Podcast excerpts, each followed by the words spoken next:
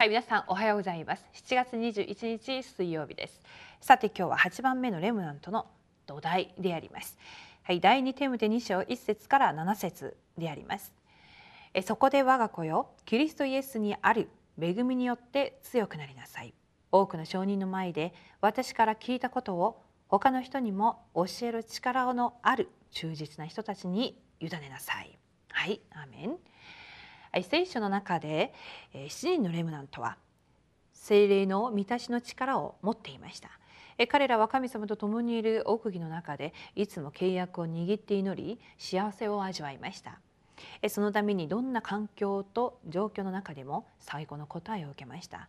どうすれば7人のレムナントと同じ答えを受けることができるのでしょうか。はい。私たちがですね7人のレムナントに本当に、えー、この似ていきたいっていうような思いもあると思いますけれども彼らが生きた人生というのは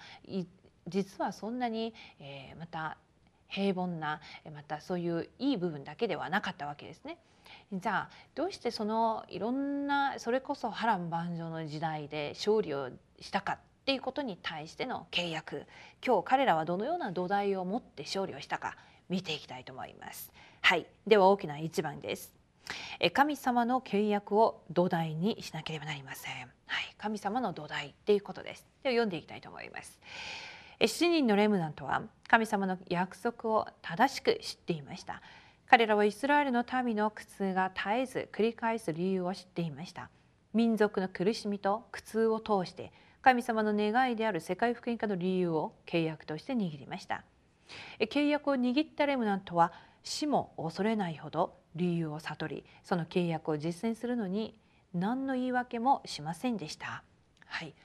苦しみを通してあこれが神様の契約かこれが神様の計画かっていうことを7人のレムナントは発見するようになりました。そしてこのレムナントたちの特徴を見ますとその人たちは本当に契約を悟る時まで主がまた悟る時まで苦しみを与えたということです。もちろん幼い時から契約を握ってビジョンを握って祈っていたレムナントもいたいましたけれどもでもほとんどがですね契約を悟る時まで本当にイエスがキリストであっていう福音を悟るまでは神様はあえて苦しみを与えていました。え今日私たちが本当のレムナントであるならば実は皆さんもえどうしてこんなにこういうことばっかり起きるんだろうとかどうして問題が早く解決されないんだろうとか目を覚まして一日生きていくうちにまた予想もしていなかったいろんなことが飛び交うと思います。それはですね皆様がレムナントであるからです。神様が皆様に向けられた大きな計画そして世界不見化の明らかなビジョンビジョンを与えるためであるとそう確信します。はい。では大きな2番です。第2テモテ2章1節から7節の土台を持たなければなりません。今日の本文の土台を持たなくてはならないっていうことなんですがこのパウロがテモテに対して我が子よというような表現をしましたがでは内容を見ていきたいと思います。はい、霊的な兵士はイエスがキリストであることとその方が全ての問題を解決されたということに確信を持っている人です。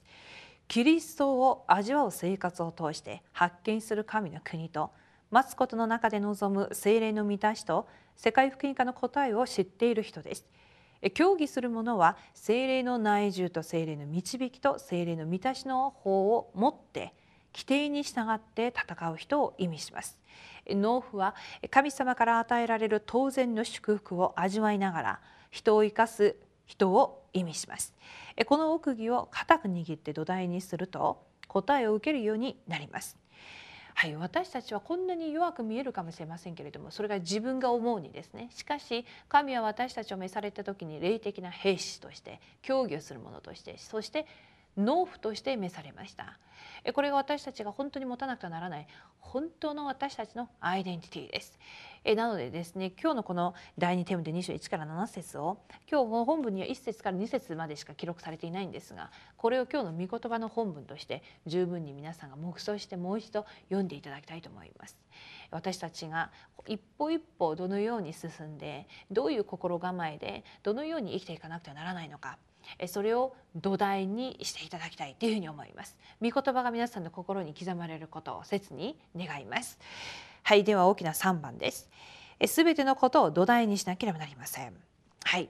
すべてのことに知恵を与えてくださるという御言葉は心配事などを捨ててすでに来ている答えのために祈りを持って挑戦しなさいという御言葉です。今日のさ今日を最高にする帝国祈りの答えの中で挑戦すると全てのことに集中するようになりそのために新しいことが始まる答えを受けるようになります。御言葉を黙想して深い祈りの中に入ると驚くべき答えを受けるようになるでしょう。はい、全てのことに対して私たちが感謝して絶えず祈ってっていうこういうことがですね普通にはできないことかもしれません。感謝できないのに感謝したり全てのことに対して本当に神様の全てがあこれは神の恵みだっていうふうになるのはですねただ嫌なのにもうここでは嫌なことがあってすごくもうカッと気持ちが来ているのにまたあっち向いてあ神の恵みだっていうふうには普通にはできないと思います。けれどもですねそういうふうにしていくことが結局はこの世界福音化のためのまた神の計画であるしそのような契約を握ってまた行くことがまた現場に対する私たちが挑戦であると思います。だから私たちの力ではできないために御言葉を握るのです。今日。自分の力でできることは一切ないと思います。なので今日もですね霊的な兵士競技をする者農夫として皆さんの誠のアイデンティティを回復してそして全てのことを土台にできる十分な神様の霊的な力をまた受けるために今日の御言葉を握ってこそ今日の祈りができていけると思います。なのでですね今日朝も皆さん御言葉を握って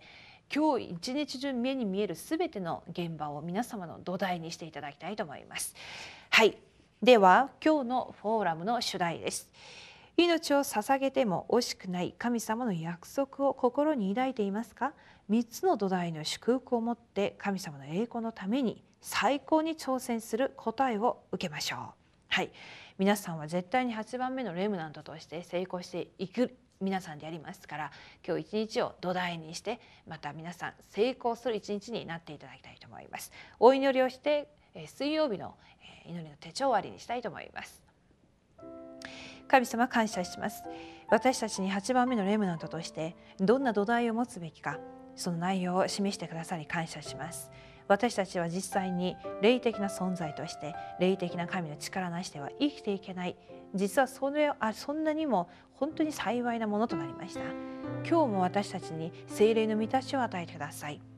神様第二テモテ2章1から7節のように我が子よキリストイエスにある恵みにあって強くなりなさいと言われたように今日も神から与えられる恵みの中で強くなり主から与えられた兵士として競技をする者として農夫としてのこのような役割が果たせられるように主が恵みを与えてください。目に見える現場仕事人間関係そして私のタラントまた私がやりたいいろんなビジョン全てを今日も祈りの課題にして御言葉に従っていく中で一つ一つが確立されてまた新しい目が開かれる一日になるように願います。今日も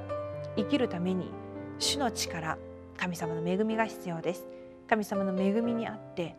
誠の恵み誠の本当に霊的なカリスマを今日も持つことができるように願います。今日も伝道の門が開かれますように。今日も暗闇の勢力がイエスの皆で打ち砕かれる働きをするまた体験をすることができますように。全てを感謝して主イエスキリストの皆によってお祈りします。アーメン。